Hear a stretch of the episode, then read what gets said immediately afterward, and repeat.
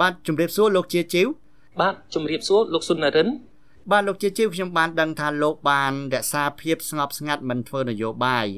ហើយមិនសម្ដែងមតិអ្វីច្រើនទេនៅលើបណ្ដាញសង្គម Facebook ប៉ុន្តែលោកពេលនេះលោកបានចាក់ចេញពីប្រទេសកម្ពុជា គឺលោកដែលធ្លាប់រស់នៅក្នុងខេត្តបាត់ដំបងឃុំអន្លង់វិលស្រុកសង្កែហ្នឹងលោកបានចាក់ចេញទៅប្រទេសថៃ ហើយខ្ញុំក៏បានដឹងថាលោកកំពុងតែសុំសិទ្ធិជ្រកកោនផ្នែកនយោបាយផងដែរតើលោកអាចបញ្ជាក់មូលហេតុបានទេបាទចំពោះបញ្ហាពាក់ព័ន្ធទៅនឹងការភៀសខ្លួនមកទឹកដីថៃហើយសុំសិទ្ធិជ្រកកោននយោបាយគឺដោយសារតែរបបក្រុងភ្នំពេញបានធ្វើទុកបុកម្នេញហើយនឹងបានប្រើប្រាស់ ប្រព័ន្ធតុលាការដាក់ចេញដោយដាក់ឲ្យខ្ញុំត្រូវជាប់គុក6ឆ្នាំដូច្នេះខ្ញុំធ្លាប់បានជាប់គុកម្ដងហើយ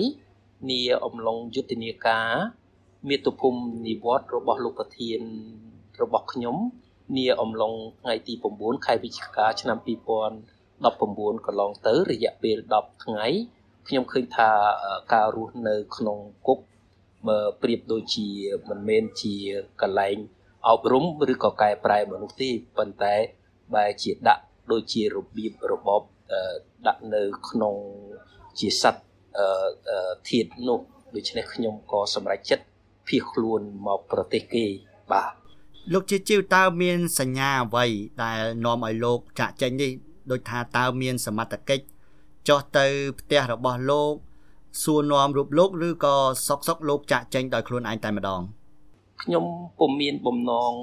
ឃ្លាតចាកពីទឹកដីភូមិកំណើតរបស់ខ្ញុំទេប៉ុន្តែនៅអំឡុងនាថ្ងៃទី14ខែមិថុនាឆ្នាំ2022ខ្ញុំកំពុងតែកាន់ទូរស័ព្ទរបស់ខ្ញុំដើម្បីមើលអឺព័ត៌មានរបស់ VOD ពាក់ព័ន្ធទៅនឹងការចាប់ចងលោកស្រីកញ្ញាសេងចន្ទធារីបន្ទាប់ពេលនោះគឺខ្ញុំមានថ្នាក់ដឹកនាំរបស់ខ្ញុំ បានផ្ដល់ព័ត៌មានតាម Messenger Facebook មកថាឲ្យខ្ញុំភៀសខ្លួនទៅជាដែនសិនដោយសារតែមានដេកាបង្គាប់ឲ្យចាប់ខ្លួនខ្ញុំភ្លាម និងដាក់គុកបញ្ជូនទៅដាក់គុក6ឆ្នាំ អញ្ចឹងក្រោយពេលបានព័ត៌មាននេះ គឺខ្ញុំអឺមិនទាន់ជាជឿនោះទេ ដោយសារតែខ្ញុំពុំបានធ្វើសកម្មភាពអ្វីពាក់ព័ន្ធទៅនឹងនយោបាយហើយខ្ញុំមិនបានសម្ដែងមតិអ្វីពាក់ព័ន្ធទៅនឹងគណៈបកសង្គ្រោះជាតិរបស់ខ្ញុំសូម្បីតែការប្រើប្រាស់ភាសានៅក្នុងបណ្ដាញសង្គម Facebook របស់ខ្ញុំក៏ដូចគ្នាដែរខ្ញុំតែងតែប្រើពាក្យអតីតគណៈបកសង្គ្រោះជាតិ អញ្ចឹងខ្ញុំហាក់ដូចជាពុំជឿដល់ពេលដែលថ្នាក់ដឹកនាំមួយរូបទៀតគាត់បានខលមកប្រាប់បែបនឹងដែរព្រោះគាត់ថាគាត់នៅក្នុងសាវនាកាហើយគេបង្គាប់ឲ្យចាប់ខ្លួនខ្ញុំដាក់គុក6ឆ្នាំទើបខ្ញុំសម្រេចចិត្តភៀសខ្លួនមកទឹកដីគេបាទបាទលោកជាជីវចុះនៅផ្ទះរបស់លោកពេលនោះតើមាន សមត្ថកិច្ចចោះសួរនាំអីទេទោះបីជាលោកមិនបានឃើញផ្ទាល់ប៉ុន្តែខាងសមាជិកគ្រួសារមានបញ្ជាក់អ្វីទេបានបាទអឺខ្ញុំបន្ទាប់ពីខ្ញុំភៀសខ្លួនមកជាដែនខ្ញុំពុំទាន់សម្រេចចិត្តថាចូលទឹកដីថៃនោះទេហើយខ្ញុំរងចាំព័ត៌មានពីក្រុមគ្រួសារខ្ញុំនៅឯផ្ទះហើយអំឡុងពេលម៉ោង2រសៀលគឺមានអាជ្ញាធរមួយក្រុម ដែលគ្មានសម្លៀកបំពាក់ជាអាជ្ញាធរមានសមត្ថកិច្ចជាប៉ូលីសនោះទេប្រមាណចំនួនជាង10នាក់និងប្រហាក់ប្រហែលជាចូលជិត20នាក់គាត់ទៅលំពាត់ផ្ទះខ្ញុំហើយនឹងរោគចាប់ខ្លួនខ្ញុំដោយចូលឆែកឆេរនៅក្នុងផ្ទះចូលឡើងទៅដល់លើផ្ទះរបស់ខ្ញុំ ហើយមិនអស់ចិត្តគាត់បានទៅចកាទៅក្នុងដីចការបស់ខ្ញុំហើយមិនអស់ចិត្តទៀតគាត់បានទៅរូបផ្ទះអ៊ំស្រីខ្ញុំនៅមុខផ្ទះនិងផ្ទះញាតិមិត្តជិតខាងនៅរបងដើម្បីរកការចាប់ខ្លួនខ្ញុំហើយការចាប់ខ្លួនខ្ញុំនោះគឺពុំតាមអ្វីដែលក្រុមគ្រួសារខ្ញុំបានជម្រាបមកខ្ញុំថា ពុំមានសាលក្រមឬដីកានៅក្នុងដៃនោះឡើយបាទខ្ញុំក៏បានមើលវីដេអូដែលលោកបានផ្ញើមកខ្ញុំផងដែរហើយឃើញមានសកម្មភាពអាជ្ញាធរបានចុះទៅផ្ទះរបស់លោកផងដែរហើយនេះអាចដោយសារថាលោកបានលើកឡើងអំពីការកាត់ទោសរបស់តឡាការនៅក្នុងសំណុំរឿងរបស់លោកហ្នឹងទៅបន្ទាប់មកមានអាជ្ញាធរបានចុះទៅផ្ទះរបស់លោកតែម្ដង តើការចាក់ចែងរបស់លោកទៅប្រទេសថៃនេះតើលោកទៅតែម្នាក់ឯងឬក៏លោកទៅជាមួយភរិយាក៏ដូចជាកូនរបស់លោក5នាក់ដែលកន្លងទៅខ្ញុំបានដឹងថាលោកមានកូនប្រុស3នាក់និងស្រី2នាក់បានអឺជាដំបូងខ្ញុំបានអឺចាក់ចេញដោយម្នាក់ឯងតែប៉ុណ្ណោះមកទឹកដីថៃប៉ុន្តែទៅតាមអ្វីដែលជាប្រភពព័ត៌មានរបស់ប្រពន្ធខ្ញុំ ហើយនឹងកូនខ្ញុំអឺគឺបានជម្រាបថាបន្ទាប់ពីឆែកឆេររោគពុំឃើញខ្ញុំនៅឯលំនៅឋានរបស់ខ្ញុំក៏ដូចជាលំនៅឋានបងប្អូនសាច់ញាតិរបស់ខ្ញុំគឺមានរថយន្តសមត្ថកិច្ចដែលមកចាប់ខ្លួនខ្ញុំរោគតាមចាប់ខ្លួនខ្ញុំហ្នឹងពីថ្ងៃបន្ទាប់មកគឺម៉ោង8យប់ រថយន្តនោះបានជិះតាមកូនប្រុសរបស់ខ្ញុំហើយយកទឹកសុទ្ធដែលមានចំណុះពេញគប់ទៅលើគាត់ហើយបើសិនជាទប់មិនបានទេអាចបណ្ដាលឲ្យគ្រោះថ្នាក់ចរាចរណ៍ដោយសារតែលឺព័ត៌មាននេះខ្ញុំពុំពុំអស់ចិត្តហើយខ្ញុំបារម្ភអំពីសុវត្ថិភាពកូនប្រុសខ្ញុំខ្ញុំបានឲ្យភរិយាខ្ញុំ បញ្ជូនគាត់មកទឹកដីថៃដោយសារតែអំឡុងពេលនៃការរោគចាប់ខ្លួនខ្ញុំនៅឯផ្ទះនោះគឺកូនប្រុសច្បងរបស់ខ្ញុំប៉ះពៀសម្ដីជាមួយនឹងសមត្ថកិច្ចដោយសារតែសមត្ថកិច្ចគាត់អត់មានដីកាអត់មានឯកសារលិខិតស្នាមអ្វីទាំងអស់ចូលមកប្រៀបដូចជាចោលប្លន់ឬក៏ចោលចាប់ជំរិតចូលផ្ទះហើយក៏មានប៉ះពៀជាមួយនឹងសម្ដីកូនប្រុសរបស់ខ្ញុំដែលគាត់ថាតើពូឯងមាន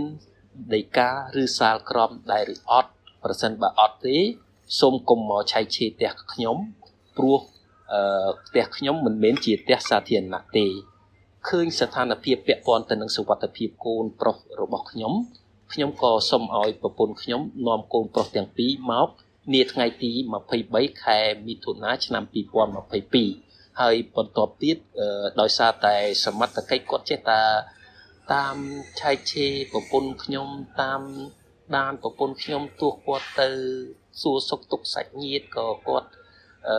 តាមដាន ទៅផ្សារក៏ទៅតាមដាន ទៅឬលេងផ្ទះមិត្តភ័ក្តិក៏តាមដាន ទៅហូបអ្វីក៏គេតាមដានដោយសារតែការបារម្ភបន្ថែមទៀតខ្ញុំក៏បានឲ្យប្រពន្ធខ្ញុំមកទឹកដីថៃទាំងអស់គ្នាគឺពោលគឺថ្ងៃទី3ខែ កក្កដាឆ្នាំ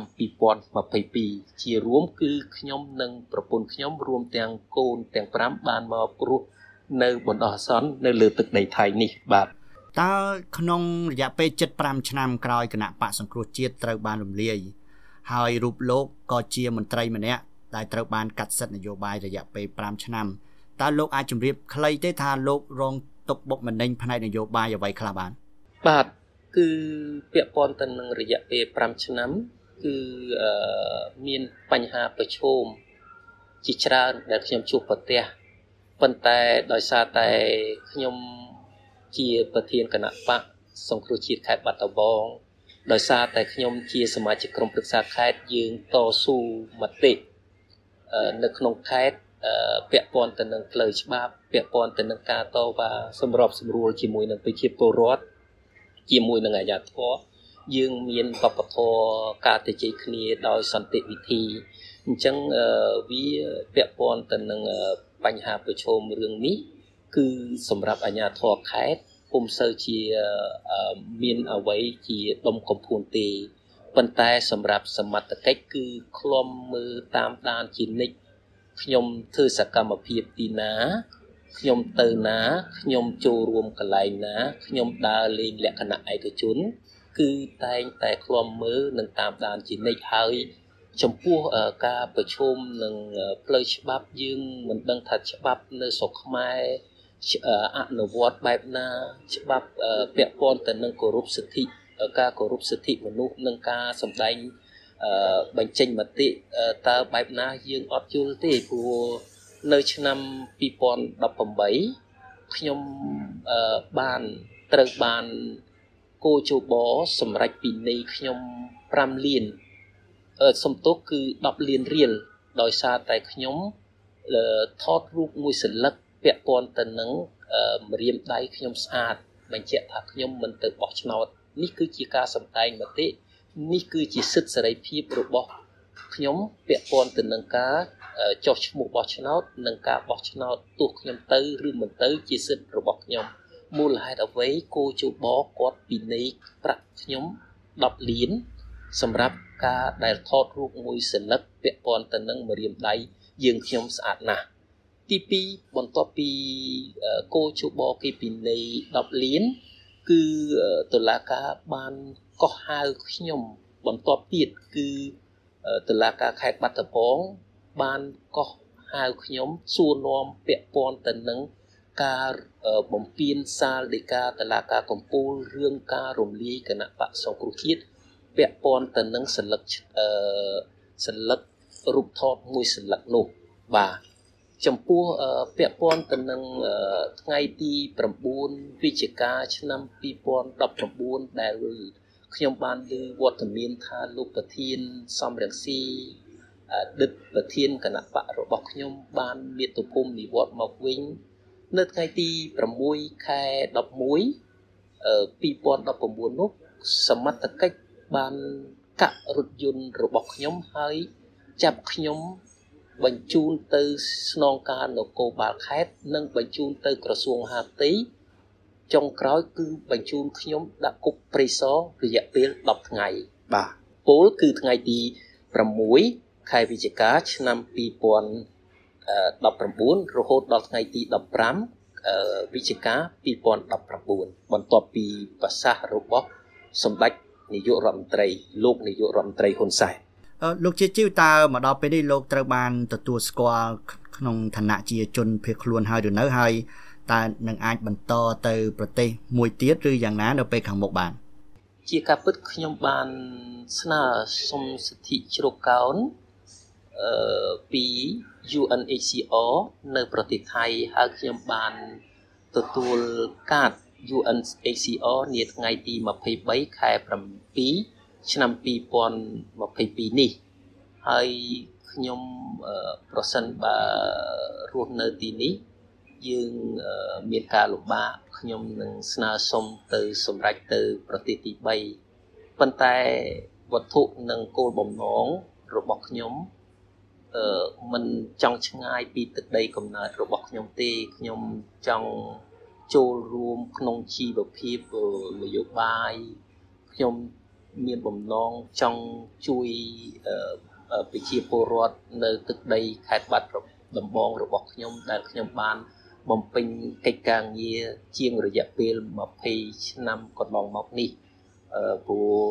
ខ្ញុំមិនចង់ឆ្ងាយទឹកដីកំណើតរបស់ខ្លួនទេខ្ញុំចង់ជួយសង្គមតាមរយៈគណៈបកសង្គ្រោះជាតិរបស់ខ្ញុំឬក៏គណៈបកជំទាស់ណាមួយដែលមាននិន្នាការប្រហាក់ប្រហែលនឹងគណៈបកសង្គ្រោះជាតិរបស់ខ្ញុំតែជាអកុសល គឺរបបក្រុងភ្នំពេញសពថ្ងៃ គឺគាត់យល់ប្រហែលជាគាត់យល់និងមានបំណងថាខ្ញុំជាគោលដៅមួយរូបដែលគាត់ត្រូវតែកំចាត់ត្រូវតែកំតិចកុំឲ្យធ្វើសកម្មភាពនយោបាយជាមួយគណៈបកសង្គ្រោះជាតិដែលមានវត្តមានលោកប្រធានសំរងស៊ីលោកអេងឆៃអៀង លោកស្រីមូស៊ូហួរអនុប្រធានគណៈបកដែលឲ្យខ្ញុំធ្វើសកម្មភាពជាមួយគាត់បាទសូមអរគុណលោកជាជីវដែលបាន ផ្ដល់បទសម្ភាសន៍ដល់ VOA លោកជាជីវជាអតីតប្រធាន ប្រតិបត្តិប្រចាំខេត្តបាត់ដំបងរបស់គណៈបកសង្គ្រោះជាតិសូមជម្រាបលាបាទសូមអរគុណសូមជម្រាបលាលោកបាទ